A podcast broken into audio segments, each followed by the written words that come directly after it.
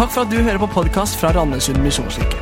Denne talen er spilt inn på en av våre gudstjenester på søndager klokken 11. Vi håper det du hører, kan være til oppmuntring i hverdagen, og du er hjertelig velkommen til å ta del i vår menighet. Gå inn på mkirken.no eller Randesund misjonskirke på Facebook for mer info.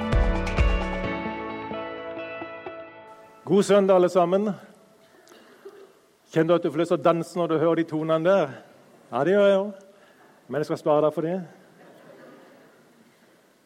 Vi er kommet til siste preken i denne serien Frihet. Der ligger tre prekener på podkast. Jeg vil gjerne anbefale dere å høre de, av Jarle og Roy Elling. Og Et vers som har gått igjen eh, hver gang, det er dette fra Johannes 8, 36. Får Sønnen frigjort dere, da blir dere virkelig fri. Fri fra noe og fri til noe.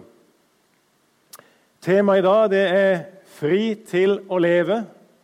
Og Da er to hovedpunkt. Og De er lette å huske. Det første det er 'jeg tror på et liv før døden'. Og det andre 'jeg tror på et liv etter døden'. Tenkte du at kanskje det var det som kom? Ja. Jeg skal ikke si så mye om det siste, så det blir litt sånn uh, skjevt vekta, men uh, jeg skal si noe om det.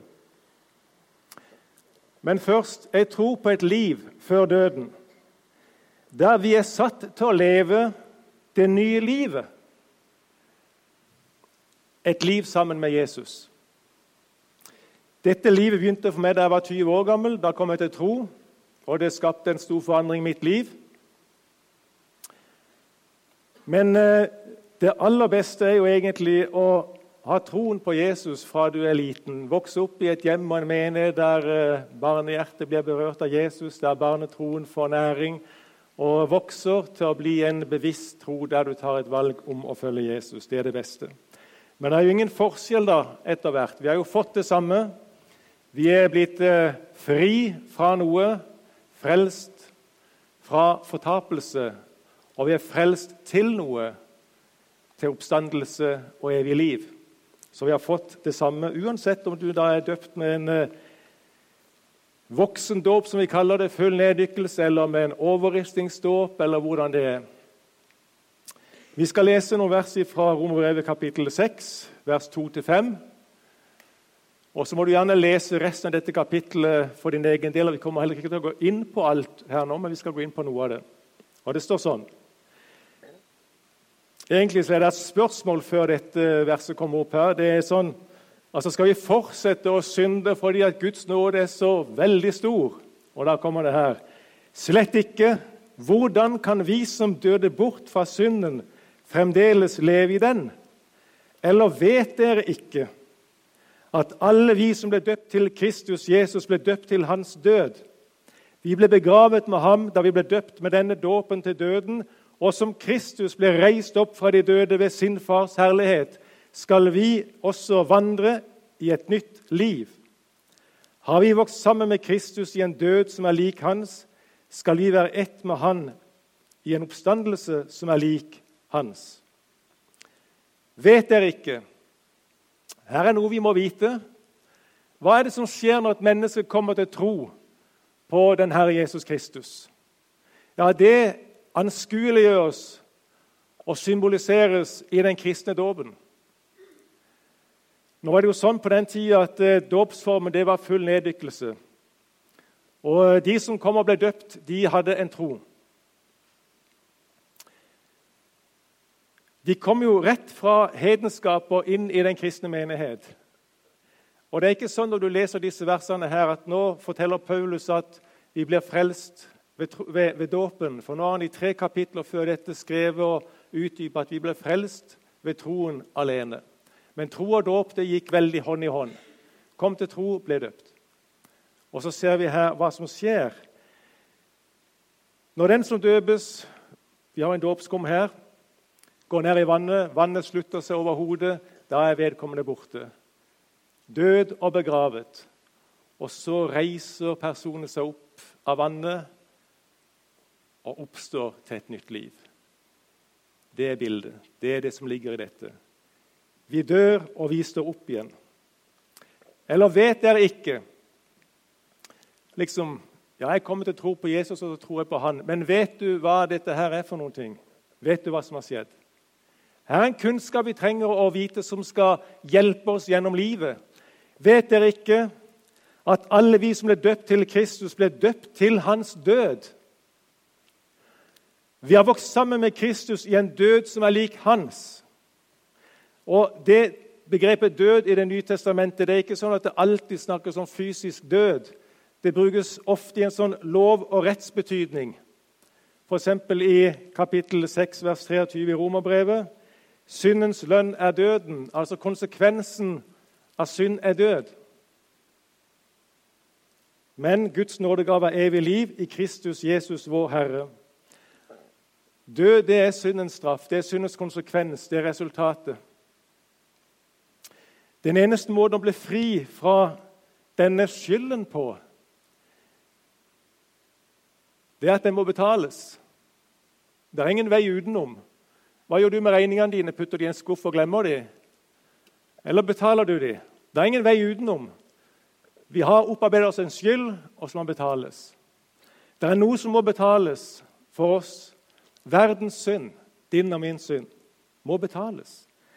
Jesu død var at han betalte for verdens synd. Ja, det vet jeg, sier du. Ja, det vet jeg også at du vet.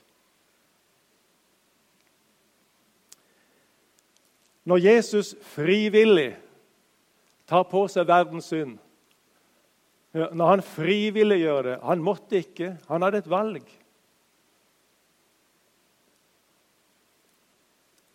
Når Jesus frivillig tar på seg dette, din og min synd, da må han dø. Da er det ingen vei utenom. For syndens konsekvens er død. Da må han dø. Det er ingen vei utenom. Det var ikke bare en fysisk død. Det var den døden som eh, skiller oss ifra Gud. Og Derfor var det et sånt rop fra Golgata den ettermiddagen. 'Min Gud, min Gud, hvorfor har du forlatt meg?' Og det var det han kjente. Jesus ble gjort til en lovbryter. Han var jo ikke det.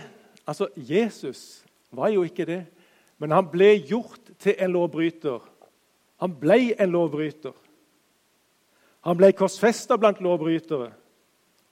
Han ble gjort til synd, og dette kan ikke vi fatte, men han ble gjort til summen av alle synder i denne verden, av alle mennesker til alle tider. Så kan du bare høre nyhetene, så kan du lese vår historie. Summen av alt dette ble han. Og den syndeskylden og byrden, den bar han, og den betalte han. Du er på Johannes sier, 'Se der Guds lam som bærer verdens synd'. Men hva skjer med en eh, hva skjer med en lovbryter som har sona straffen sin? Ja, men Han eller hun kan jo bare gå ut av fengselet og er jo fri. Det er jo sont. Trenger ikke være redd for verken politi eller dommer eller påtalemyndighet. De er fri. Vi døde, Kristus døde, og vi gikk fri. Men hør Der på, korset, på Golgata, der det er din og min forhistorie. Det er fortellingen om ditt liv og mitt liv. Det har vi med vår åndelige identitet å gjøre. Men det har ikke bare med vår åndelige identitet å gjøre. Det har med din og min identitet å gjøre. Hvem er vi? Verden har aldri sett så mye martyrer som nå. Folk blir tatt av dage for sin tro pga. hvem de er. Det er deres identitet. De er etterfølgere av Jesus i denne verden. Vi har del i det som skjedde der på korset. Det er jo du og meg som er de skyldige. Det er jo vi som fortjente å dø. Vi, vi, vi har forstått det. Men vi døde. Det var du og meg som døde der. Men ikke i egen person men i en annens person, i en stedfortreders person, i Kristus.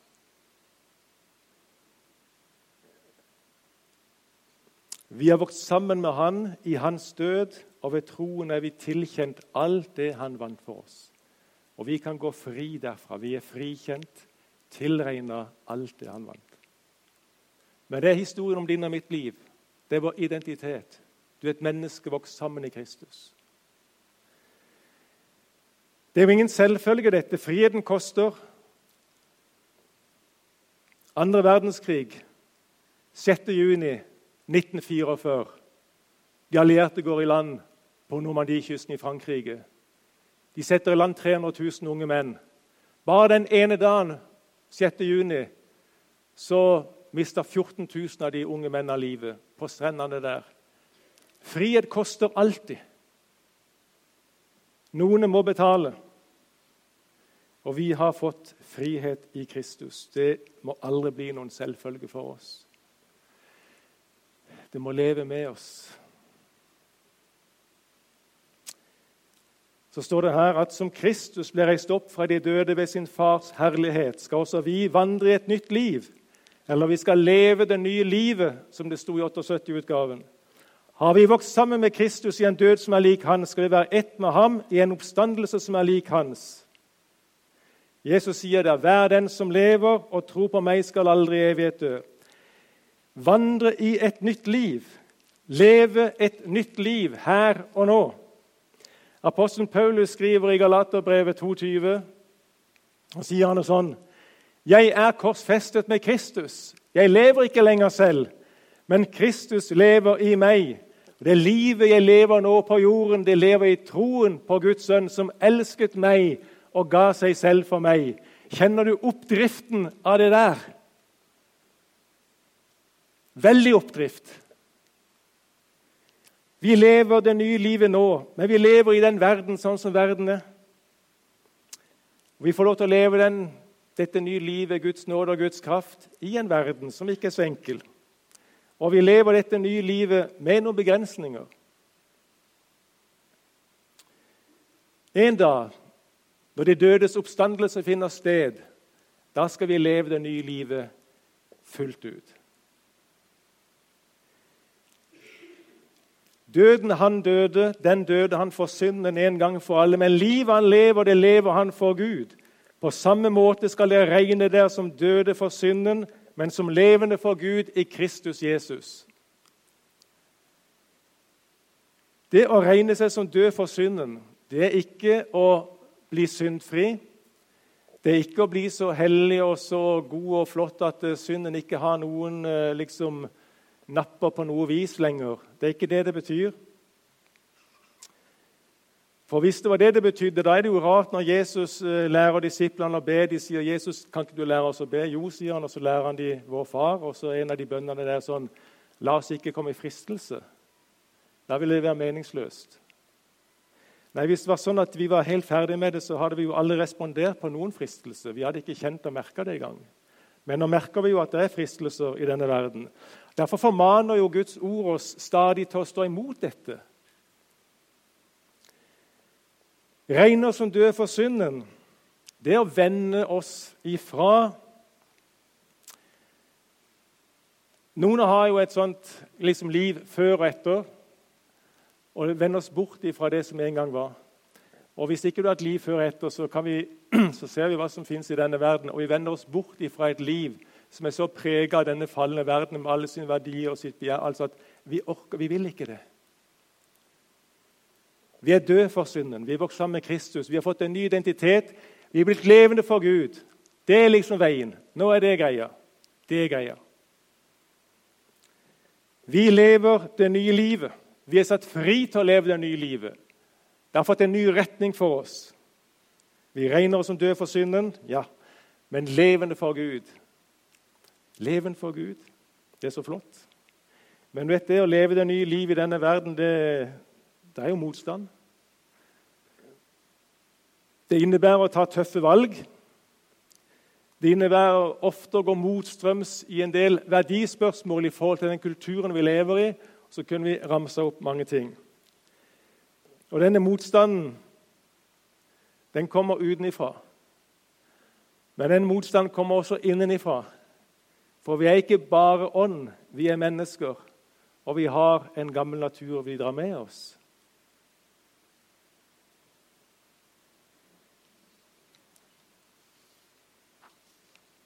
Derfor så syns jeg det er så motiverende når eh, Paulus skriver her Vet dere ikke? Vi har vendt ryggen til synd og elendighet. Vet dere ikke det? Nå må vi bruke forstanden, må vi tenke oss om. Må vi ikke inn i det og oppsøke det som Kristus ga sitt liv for å fri oss ifra? Nei, vet dere ikke? Jo visst vet vi det. Oi, det var godt jeg fikk sommer med. Vet dere ikke? Vi må regne oss som levende for Gud. Vi er ferdig med det. En del av det sitter i hodet, og en del sitter i hjertet. Vi har fått et nytt liv. Jeg kjenner at det oppildner meg litt. Vet ikke, Gjør du det? Vet dere ikke? Jo, regn det som. Ja vel. Tenk over. Ta rette valg. Ja, jeg vil det. Ja, flott. Men om noen synder, står der, da har vi en som taler vår sak innenfor Faderen, Jesus Kristus den rettferdige. Han er en soning for våre synder, ikke bare for våre, men for hele verdens. Og Dersom vi bekjenner våre synder, da er han trofast og rettferdig, så han tilgir synden og renser oss for all urett. For det er også en del av dette livet her, dessverre. Men likevel La oss tenke oss godt om før vi gjør noe dumt. Og Det kan komme veldig mye godt ut av en samtale med en bror eller søster når vi kjenner at det liksom begynner å presse på. Livet han lever, det lever han for Gud. På samme måte skal dere regne dere som levende for Gud i Kristus Jesus. Sitt liv det lever Kristus for Gud. På samme måte skal vi regne oss som levende for Gud. Disponible for Han. Vi legger vår liv i hans hender. Har du hørt fortellingen om da Paganini var i London? Du har sikkert hørt den, men jeg skal gjenta den, for den er bra. Paganini er en av de største fiolinister som har levd, italiener på 1800-tallet. Han var i London, og det var en auksjon der. Han gikk omkring. og Så uh, var han der, og så så han at de auksjonerte ut en uh, fiolin. Men den var gammel, den var slitt, den var stygg. Det kom ingen bud på den. Så um, går han opp til auksjonarius og så tar han fiolinen og så ser han på den. og Så tørker han støv av den. Og så begynner han å stemme den, ta buen. Så ser han at inni fiolinen så står det et merke Stradivarius. Liksom Rolls-Roycen av fioliner. Så begynner han å spille. Og så går det bare sånn søkk gjennom folkemengden. Paganini. Det er Paganini. Det er Paganini. Og en Stradivarius det var et uh, mesterstykke av, en, av, et instrument. Og Sånn er det for oss også. Du er, du er skaperens mesterstykke. Det er vi. Mennesket. Det ypperste. Og når vi legger vår liv i skaperens hender, i mesterens hender, da får han frem det aller beste i vårt liv. Og mer enn det han skaper noe nytt. På samme måte skal det regne der som levende for Gud. Ja, det vil vi. Vet du at vi har enorme ressurser til å leve det nye livet? Vi har det. Vi lever i Kristus. Vi er nye skapninger, sier Bibelen. Vi har fått de dyrebareste løfter, sier Bibelen. Vi har Guds ord som er levende og virkekraftig og skaper nytt liv. Guds kraft er til stede hos oss som tror, og Den hellige ånd har tatt bolig i oss. Den hellige ånd er hos oss, med oss, på alle måter virksom. Den hellige ånd ber for oss, leger ting i vårt liv, skaper nytt liv, åpenbarer Guds ord for oss herliggjør Jesus for oss, knytter våre hjerter til Jesus, utøser Guds kjærlighet i våre hjerter osv. Og, så kunne vi bare fortsatt. Og så har vi hverandre. Det er en veldig ressurs, alle vi som sitter her. Bibelen sier at vi er lemmer på Kristi kropp. Og vi har stor nytte av hverandres nådegaver, hverandres omsorg. Vi bryr oss om hverandre. Det er enorme ressurser. Jeg har fått mye hjelp av de andre lemmene på Kristi kropp opp igjennom. I samtaler, i forbønn osv. Nå skal vi ta en veldig brå sving. Der kom en mann til meg. Han var altså mellom 25 og 30 år og hadde noe å måtte snakke om. Han eh, var forlova, var forlova et par år. Og så Før det hadde de vært sammen hatt følge i noen år, så de kjente hverandre veldig godt. Og når de var forlova et par år, så liksom da skal han snart gifte seg. Og Det var da det stoppa opp. Han kunne ikke gifte seg. Denne jenta, det var hans livs kjærlighet. Og så var det gjensidig. Men han kunne ikke gifte seg. Han var skilsmissebarn. Alle skilsmissebarn hadde ikke sånn som han hadde det, men han hadde det sånn. For han visste, han var programmert i sin indre harddisk, at det kommer aldri til å vare. Det gode varer ikke. Ekteskapet varer ikke. Mamma og pappa gikk fra hverandre. Han var programmert sånn. Så han visste det at hvis jeg gifter meg med henne, så blir vi skilt lenger frem, og det vil knuse hjertet sitt. Så hva skal jeg gjøre? Skal jeg la henne gå? Jan Olav, hva syns du? Det knuser også hjertet sitt og mitt hjerte, så hva gjør jeg? Sjakkmatt. Og Da går det ikke an å bare si sånn Det går sikkert greit. liksom. Du må bare tenke sånn. Du er programmert til å tenke sånn. Du kan også si at Det er irrasjonell tenkning. Ja, det er, det er vanskelig å håndtere. Men så begynte vi å prate om dette. Og så hadde vi hatt noen snakker. Og så En dag vi satt og prata, så sitter han bare etter hvert og kikker ut av vinduet. Og så er det sånn noen ganger vi, at vi kan fornemme at nå skjer det noe. Nå arbeider Den hellige ånd i rommet, i Han. Han bare satt der det gikk mange minutter, og da sier ikke jeg noen ting heller. Og så nikker han. seg. Jeg ser det. Og så ble det liksom delete på den der harddisken, og så ble det programmert noe nytt. Jeg ser det, liksom. De gifta seg, fikk barn, og det ble flott.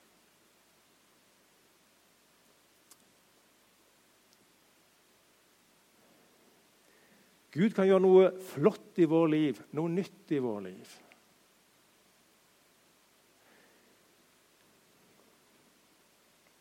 Han var omsluttet av Guds kjærlighet. Du og meg er omsluttet av Guds kjærlighet. Vi betyr noe for Gud. Nå vet jeg ikke hvordan det har vært det i dag, den eh, 3. mars 2019. Jeg vet åssen det har vært med.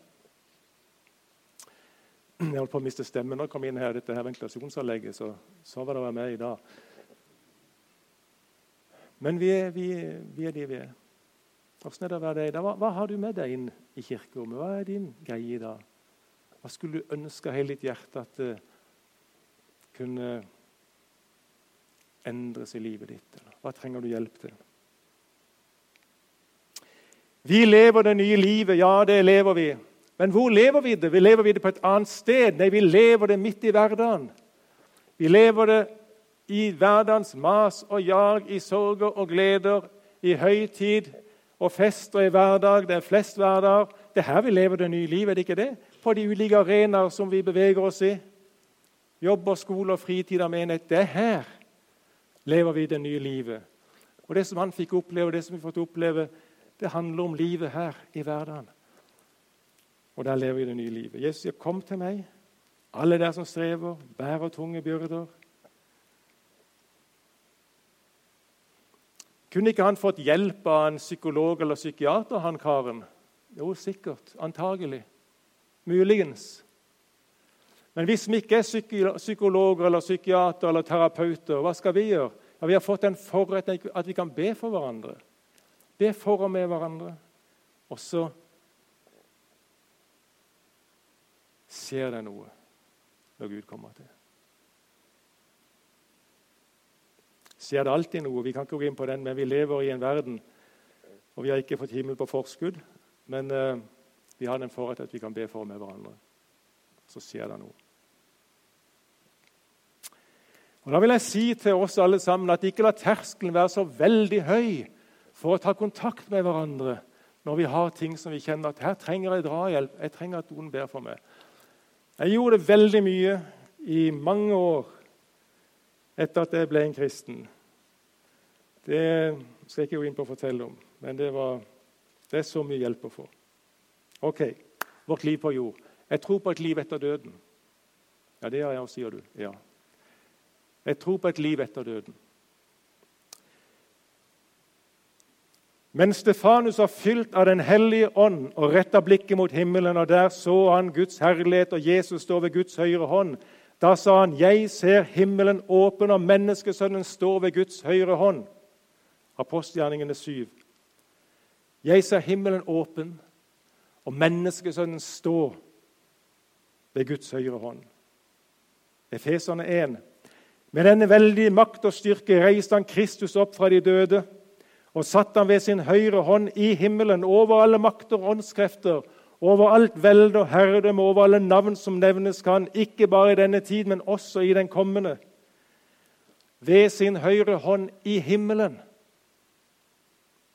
over alle navn. Peter skriver, 'Lovet være Gud', vår Herre Jesu Kristi Far, Han som i sin rike miskunn har født oss på ny til et levende håp ved Jesu Kristi oppstandelse fra de døde, til en arv som aldri forgår og aldri skitnes til og aldri visner. Den er gjemt hvor? I himmelen for dere. Ja, jeg tror på et liv etter døden. Johannes skriver i Johannes' åpenbaring 21.: Jeg så en ny himmel og en ny jord. Han som sitter på tronen, sa, 'Se, jeg gjør alle ting nye'. Jeg skal ikke beskrive eller prøve å beskrive livet etter døden. Men det som vi vil ha fokus på nå, det er hvilken effekt har det på ditt liv å tro på et liv etter døden? Jeg kjenner at det har en enorm effekt på mitt liv å få tro på et liv etter døden. Det handler om meningen med livet, innhold og verdier. Kjenner at det bærer meg, det trøster meg, det hjelper meg, det fyller meg med glede, forventning, visshet. Det holder meg oppe, det gir meg kraft. Det åpner liksom alle dører og vinduer mot fremtid og håp. Og det farver liksom hele livet her og nå. Kjenner du deg igjen i det? Det har en effekt på livet vårt. Men først og fremst så har det den effekten at det gir livet retning. Det kjenner jeg. Det gir livet retning hvis målet er himmelen. Hva er da retningen? Ja, det må jo være veien til himmelen. Og hva er veien til himmelen? Om det er Jesus. Jeg er veien.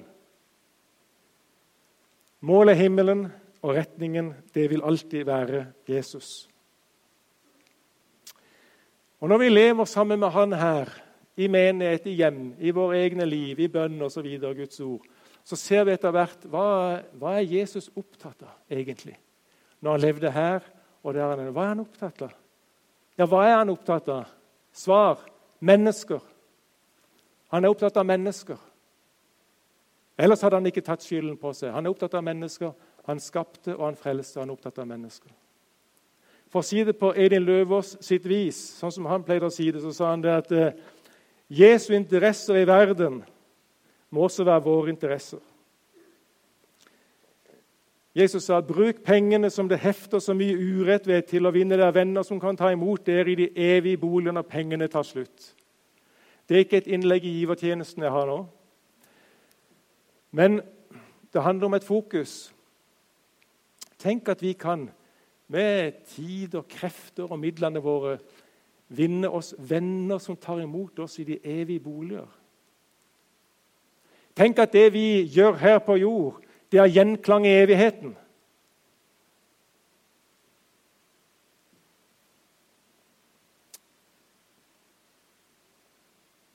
Når ditt og mitt liv skal gjøres opp, når livets regnskap gjøres opp, da har jo kun det verdi som har evighetsverdi. Vi kan ikke ta noen ting med oss. Ingenting. Ja, vi kan ta med oss noe, vår egen sjel og noen menneskers sjel. Vi kan vinne oss venner i himmelen. Jeg har en gammel mor på 97 år. Hun glemmer veldig mye, men hun glemmer ikke å gi kollekt til menigheten. Hun er faktisk medlem her. 97,5 år.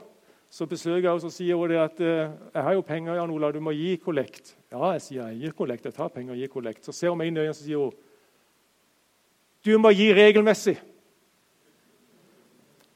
Hun er fra Bergen, så sier hun, 'Slik at jeg også får være med og bygge opp arbeidet.'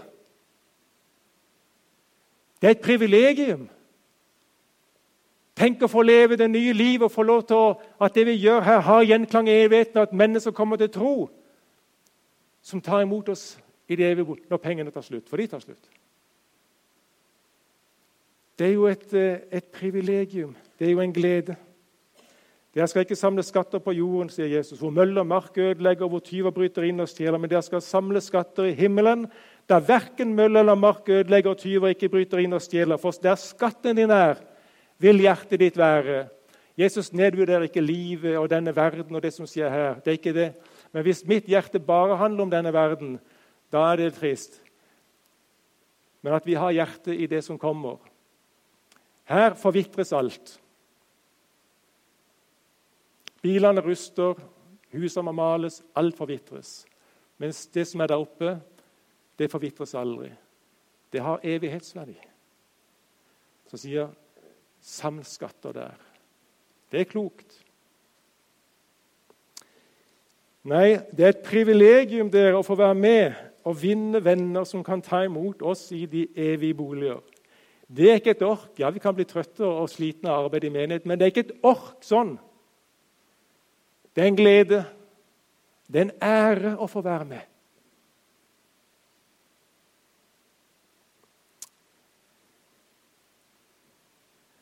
Så kjenner jeg sånn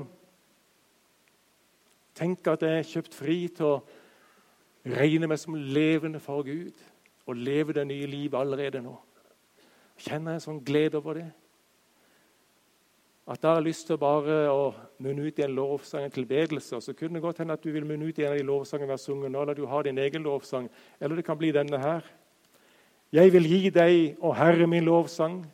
Jeg vil takke deg med mine ord for din nåde som er uten grenser, for godhet og kjærlighet stor.